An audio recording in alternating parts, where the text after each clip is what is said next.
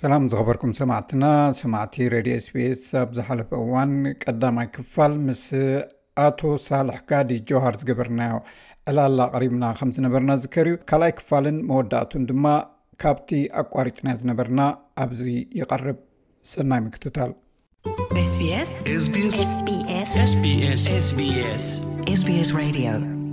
ኤርትራ ብተዘማዲ ንዝሓለፉ ሰላሳ ዓመታት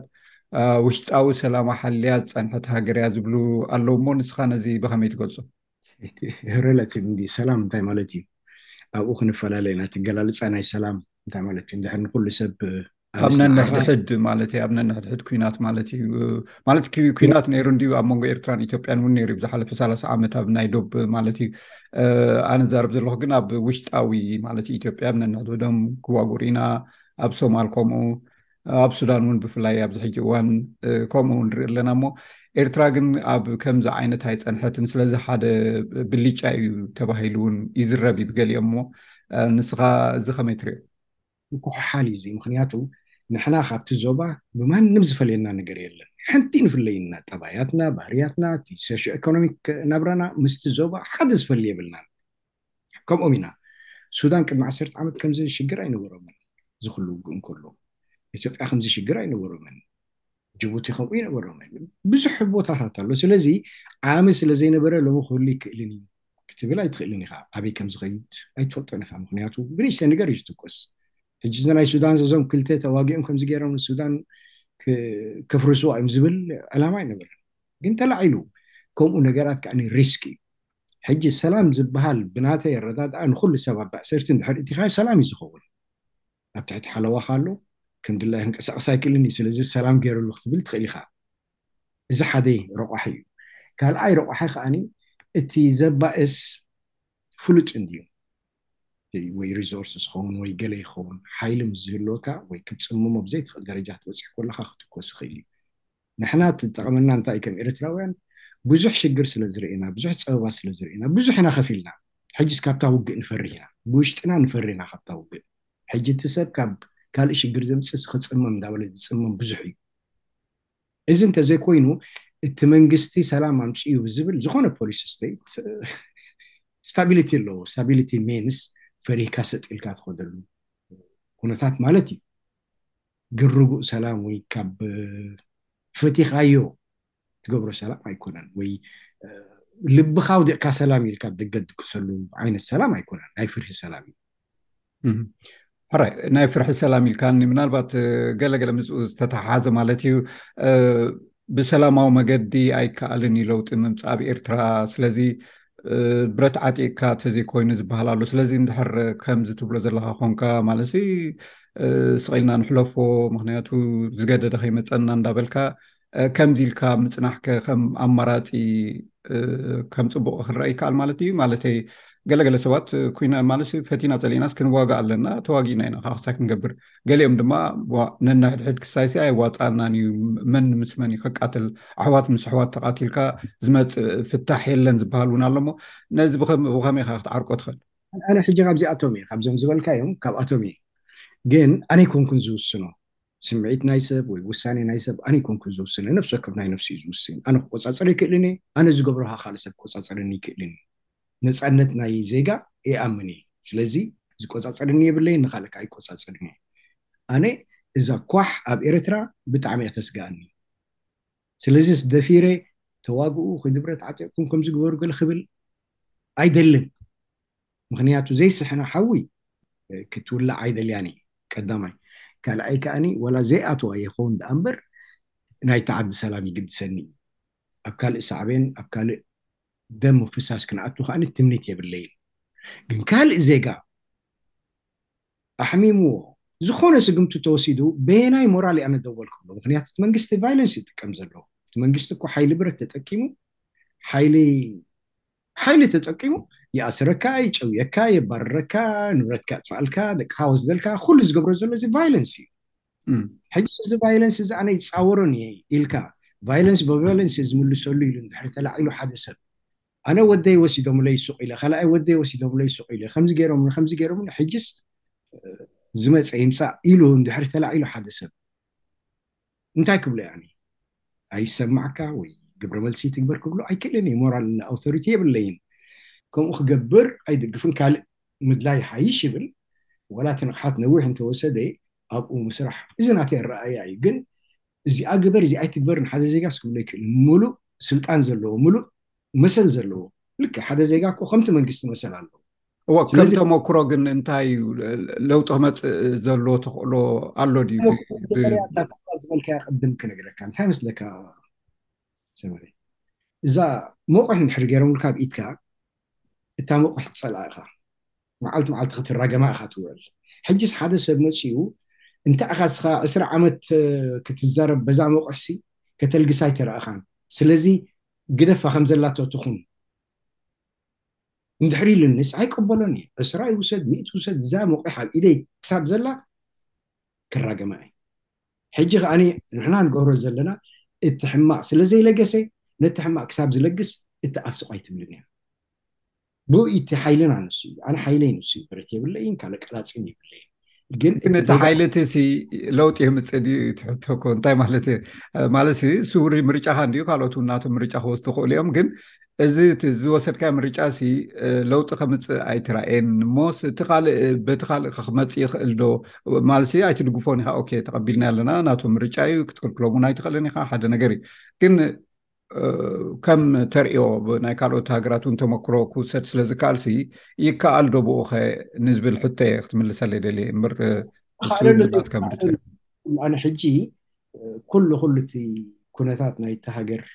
ሳሊንት ፋክትስ ወይ ደይታ ኣለኒ እዝን ዝን ክኸውን እዩ ክብለካ ኣይክእልን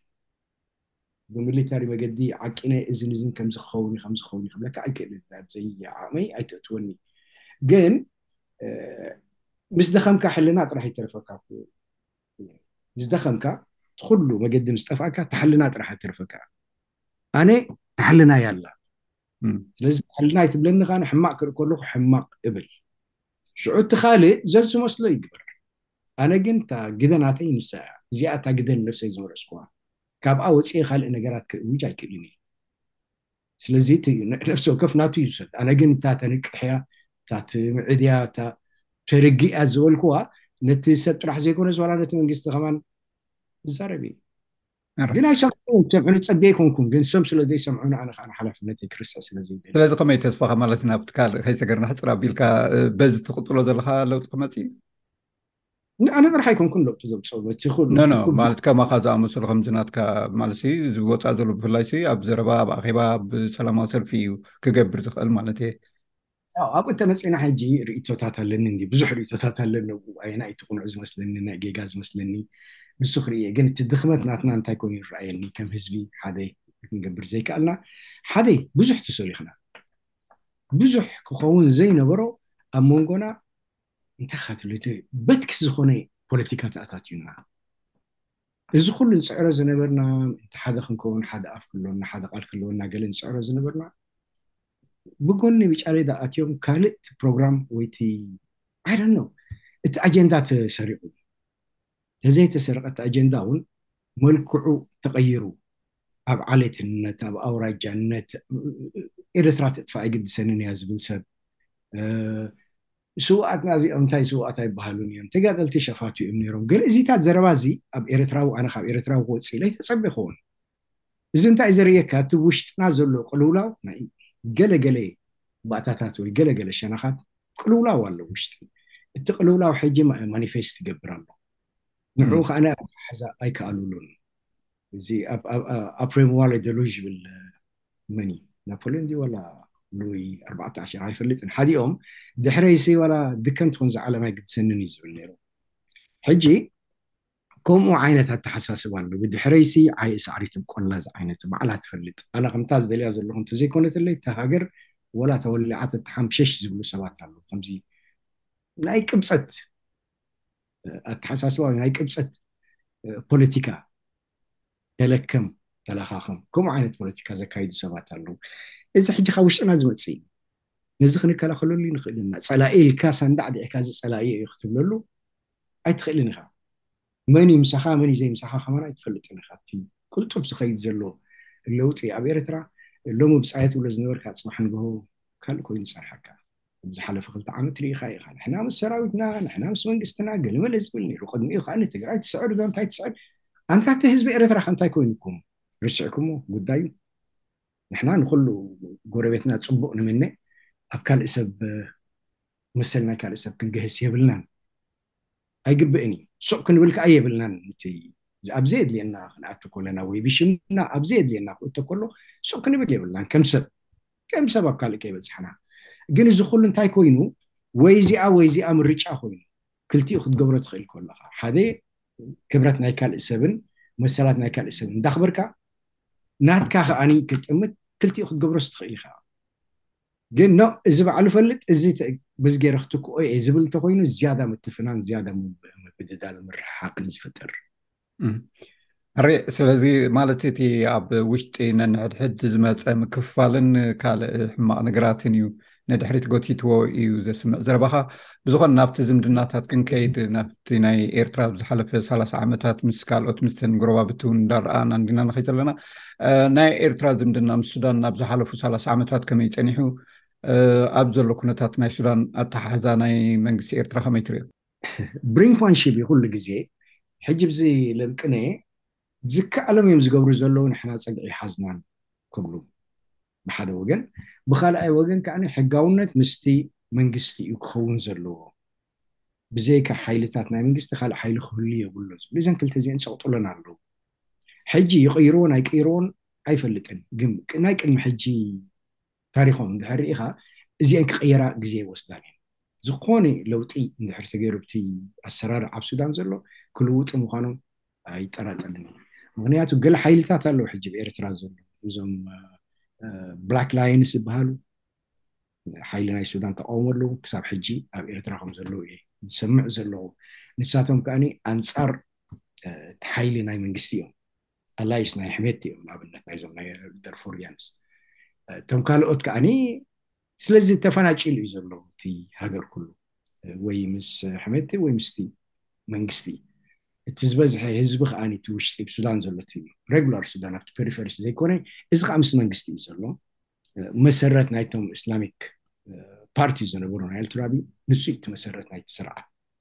ሕጂ ንዕኦም ውን ክኽስክስዎም ስለ ዘለዎም ኣብ ከምዚታት እዩ ተመቓቒሉ ዘሎ። ሕጂ መንግስቲ ኤረትራ ኣበይ ገጹ ክኸይዲ ኣይፈልጥን እዚ እንድዩ እቲ ሽግርና እቲ ሽግርና እንተ ኣንስተ ካብ ፓርላማ ገለ ኔሩና እንተ ዝኸውንሲ ካብቲ ፓፕሊክ ዲስኮርስ ኣበይ ንኸይድ ከም ዘለና ወይ ኣበይ ከም ነብል ዘለና እቲ እኩብ ድምር ናይ ኤረትራዊ ኣተሓሳስባ ከንጸባርቕ ምኸኣለ ኔሩ ፍልልይ እንተሎ ውን ኣብ ምንታይ ምዃኑ ክትፈልጦ ምኸኣልካ ሕጂ ግን ከም ሃገር ሓሙሽተ ሰባት ሽዱሽተ ሰባት እዮም እቲ ሓደ ኣብ ልዕሊኦም ዘሎ ዝመርሖም ንሶም እዮም ፖሊሲ ዝውስኑ ውግእ ንእቶ እተኢሎም ንኣቱ ምስ እዚ ኢና እተኢሎም ምስ እዚ ንኸውን ምስቲ ኢና እተኢሎም ከምዚ ኣባጊዕ ኢና በቃ ሕጂስ ኣይንውስን ስለ ዝኾነ ኣበይ ከም ዝኸይድ ክትፈልጥ ብጣዕሚ ከቢድ እዩ ኣብ ወኒ ኣብ ዊንታ ናይ ውሕዳት ሰባት እዩ ኣብ ትንተና ናቶም ንበሎ መርገፅ ናቶም ዝተሓፅረ እዩ ዝኸውን ሕራይ ማለት ኣይፍለጥን እዩ ሕራይ እቲ ናይ ሱዳን ኩነታት ግን ንኤርትራ ብቐጥታ ብኸመይ ክፀልዋ ዝኽእል ክፀልዋ ሓቲ ጎረቤት እዮም ጎረቤት እዮም እቲ ዝድለ ዘሎ ከዓ ናይ ወፃኢ ሓይልታት ጥቕሚ ኣለዎን ከምዚ ክብሎ ፅንሓ እቲ ጥቕሚ ዘለዎን ከዓ ነፍሲ ወከፍ ጥቕሙ ክሕሉ ነዚ ወገን እዚ ክፅጋዕ ወይ ነዚ ወገን እዚ ክደፍእ ይኽእል እዩ ሕጂ እቲ ኣላይንመንት ኣሎ ዳሕራይ ፎልት ላይንስ ኣሎ ጨዳድ ኣሎ እቲ ሶሳይቲ ናይ ሱዳን ይኹን ናይ ኤርትራ ናይ ኢትዮጵያ ጨዳታት ኣሎ ነዚ ጨዳታት ተበሊፁ ኣብቲ ድላዮ ክበፅሕ ምእንቲ ክጥቀምሉ ዝኽእል ሓይልታት ክህሉ ይኽእል እዩ ሕጂ ኣብ ኢስተርን ሱዳን ኣብ ኤርትራ ሓደ ዓይነት ህዝቢ ኣሎ ኣብ ትግራይን ኣብ ኤርትራን ሓደ ዓይነት ህዝቢ ኣሎ ኣብ ኢትዮጵያን ኣብ ከባቢ ዓሰብን ዓፈር ኣለዉ ሓደ ዓይነት ህዝቢ ኣሎ ሕጂ እዚ ኩሉ ፎልት ላይንስ እዚ እንተ ደኣ ብጥበብ ጌርካ እንተዘይሓዝካዮ ብጭርሖ ጌርካ ኣይተሓዝን እዩ ሓደ ህዝቢ ሓደ ገለ ኢልካስ ኣይተሓዝን እዩ ብጥበብን ብቅንዕናን ብፍትሕን ጌርካ ክትሕዞ ትኽእል ኢኻ ምክንያቱ እቲ ኤርትራዊ ቅሩብ እዩ እቲ መብዛሕቱ ኤርትራዊ ሃገሩ ዝኽሕድ ወይ ሃገሩ ዝጸልእ ሰብ የሎን ወይ ደም ዝምነየላ ንሃገሩ የሎን ስለዚ ነዚ ከተምጽኦ ኣብ ሓደ ቁኑዕ መገድስ ቀሊል እዩ ግን ልቦና ዘለዎ መንግስቲ የድሊ ኣብ ከምኡ ክትበጽሕ ብጭርሖ ዝመጽእ ሓድነት የሎን። እዚ እትሰምዕዎ ዘለኹም መደብ ብቋንቋ ትግርኛ ዝፍኖ ሬድዮ ኤስቢኤስ እዩ። ብኣን ወዳያ ማለት ዝተሓላለኸ እውን ስለዝኾነ ካብ መዓልቲ ናብ መዓልቲ እውን ዝቀየር ኩነታት ስለዝኾነ ሰኢልካ ምርኣይ እዩ ከምዝሪኦ ዘለኹ ፕሪዲክት ክትገብሮም ከቢድ እዩ ብፍላይ ምስ ኢትዮጵያ ዘሎ ዝምድና ኣዝዩ ኢንተረስቲንግ ዝኾነ እዩ ኣብ ዝሓለፈ ኣርባዕተ ሓሙሽተ ዓመታት ማለት መንግስቲ ኤርትራን ምስ ብፍላይ ምስ ኣብይ ኣሕመድ ማለት ኣዝዩ ዝተዋዕወ ክስታይ ፀኒሑ ዝምድናታት ክትብሎ ትኸእል ኢኻ ሆሆታ ነይሩ ሕጂ ዝምዕብል ዘሎ ኩነታት ከ ኣሎ በቲ ሓደ ወገን እቲ ፈደራል መንግስቲ ምስ ሕወሓት ስምምዓ ትገብር በቲ ሓደ ወገን ድማ ምስ ናይ ክልል ኣምሓራ እውን ምፍሕፋሕ ዝመስል ይረአ ኣሎ እዚ ምስ መንግስቲ ኤርትራ ብኣሉታዊ መገዲ ክፀልዎ ይኽእል እዩ ዝበሃል እሞ እዚ ሓደጋ እዚ ከመይ ትሪኦ ማለት ናበይ ከምር እቲ ብፍላይ ዝምድና ምስ ኢትዮጵያን ኤርትራን ዘሎ ኩነታት ማለት እዩ ኣብዚ ቅርብ እዋን እውን ገለገለ በይጫቕ ዝብሉ ነገራት ማለት ሰባት እውን ንዑ እንዳተርጎሙ ኣብይ በቃ ኣፍሊጡ ዝበሃል ነገራት እውን ኣሎ እዚታት ክትሪኦ ከለካስ ናብ ሓድሽ ምዕራፍ ናይቲ ዝምድና ናብ ምፍሕፋሕ ማለት እዩ ክኸይድ ዝኽእል ኩነታት ኢና ንርኢ ዘለና ዝብሉ ኣለዉ እሞ ከመይ ተንብቦ ነዚ እዚ እንታይ መስለካ እዚ ካብ ካብ ቀዳማይ መዓልቲ ኢለ ዝውግእ እዚ ኩሉ ዕግርግር ዝተገብረ ክልቲኦም ኣብይ ህወሓት እንከለዉ ብሰላም ክገዝእ ኣይክእልን እዩ ዝብል ዕግበት በፂሑ ኤርትራ ከዓ ዕስራ ዓመት ኣለዎ ከጥፍኦም እዩ ክብል ንሳቶም ከዓኒ ቀኒዖም እንታይ ከም ዝደልዩ ኣይተዛረቡን ወላቶም ህወሓት ከማን ብታሕቲ ታሕቲ በቃ ኣልሚስና ባዕሉ ከም ዘንበርክኽ ክንገብሮ ኢና ዝብል ስትራተጂ ናይ ርሑቕ ግዜ እዮም ወሲዶም ነይሮም ስለዚ ኩሎም ቅኑዓት ኣይነበሩን። ደሓር ኣብይ መጺኡ ምስ ኤረትራ ሰላም ጌርና ኢሉ እቲ ሰላም ዝገብሩ ክልተ ሰባት እዮም ኣብይን ኢሳያስን እዮም። መን ኣሎ ካልእ ዝገበረ ወላ ሓደ ምኽንያቱ ወላ እቲ መሪሕነት ከም ዝብኣምሆ ዝበልክዎ እቲ መሪሕነት ናይ ህዝባዊ ግንባር ዝበሃል ሰብዓን ሓሙሽተን ሰባት ዕስራ ሸሞንተን ጥራሕ እዮም ዘለዉ ብሂወቶም ወይ ዝሰርሑ ዘለዉ እቶም ካልኦት ዝሞተ ዝተሓየረ ዝጠፍኤ ዝተኣስረ እዮም። ሕጅስ ሕጋውነት እውን የብሉን እቲ ፍርቂ ኮርም ከማን ኣይመልእን እዩ እቲ ስልጣን ናይ ህግደፍ ካብ ሰብዓን ሓሙሽተን ዓስራን ሸሞንተን ኣክቲቭ ኣለዎ እቶም ካልኦት ደር ኢንኣክቲቭ ሕጂ እቶም መንግስትና ገለመለ ዝብሉ ከማን መሪሕነትኩም ኣበይ ኣለዉ ሕጋውነት ኣለዎም ዶ በቲ ናትኩም ሕጊ ናይ ሃገር ወይ ብናይ ዩኒቨርሳል ወይ ብናይ ኤርትራስ ኣይርክቡሉን እዮም በቲ ናቶም ሕጊ እውን ሕጋውነት የብሉን እቲ ስርዓት ከምኡ ስለ ዝኾነ ኣብይ ምስ ኢሳያስ ተፈራሪሞም ስዑድያ ከይዶም ኢማራት ከይዶም ኖብል ፕራይዝ መፅዩ ገለ መፅዩ ሰላም ገይርኩም ተባሂልና እስኪ ነቲ ህዝቢ ከዓኒ ቁሩብ መገዲ ከፊተ ኢሉ ይሰዓዓም ሰብ ይጎዪ ከም ቆልዑ እንድያ ትጎዪ ነይራ ሰብ ኣብቲ ቦርደር ዝፈልጡ ቤተሰቦም ገለመለ ሰላም ክብሉ ዳሕራይ ጌሶን ዚንጎን ክመፀና ጀሚሩ ንግዲ ምዕብል ኣሎ ብሎና ነይሮም እሱ እቲ ሸየጥ ዝነበረ ጣፍ ገለመለ ኤኒወይ ድሓር ርኢናዮ ንውሕ ዕድመ እውን ኣይወሰደን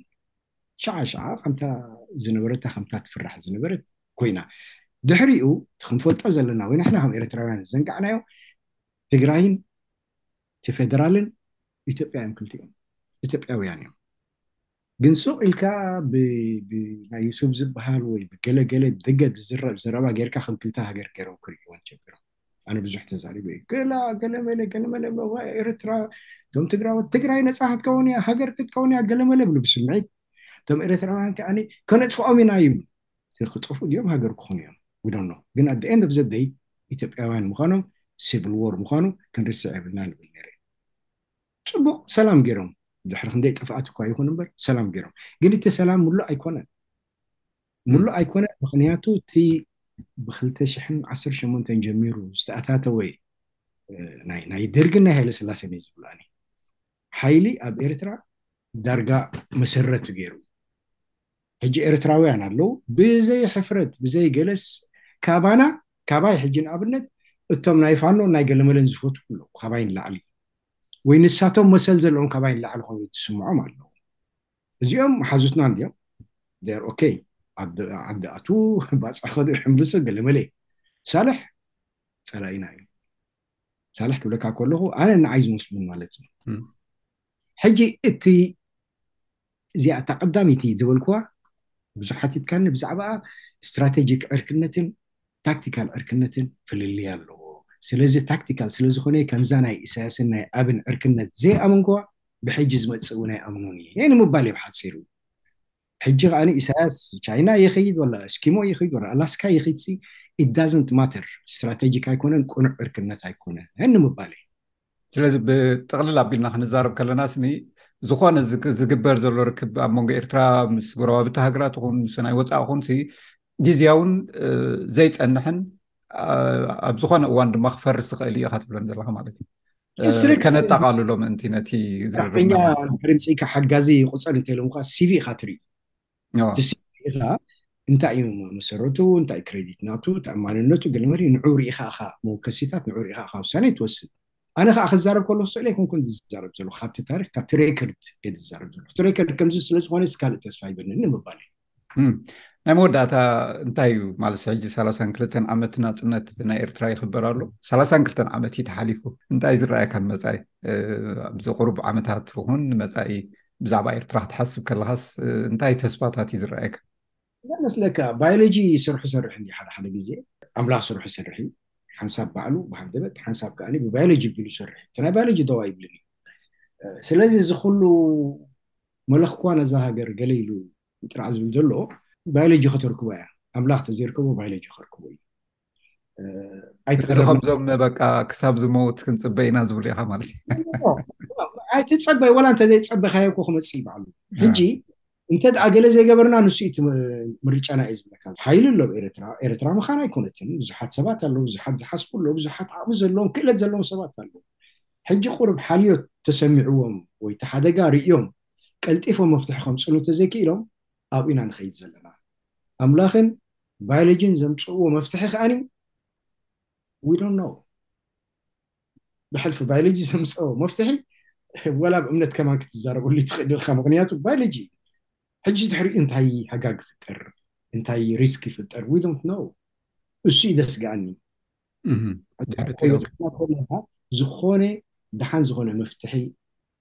ክመፅእ እንተዝኽእል እዩ ነቶም ዓቕሚ ዘለዎም ሰባት እቶም ቅልፅም ናይ ህዝቢ ኢና ዝብሉ ቅልፅም ህዝቢ ምዃኖም እንተዘርእዩ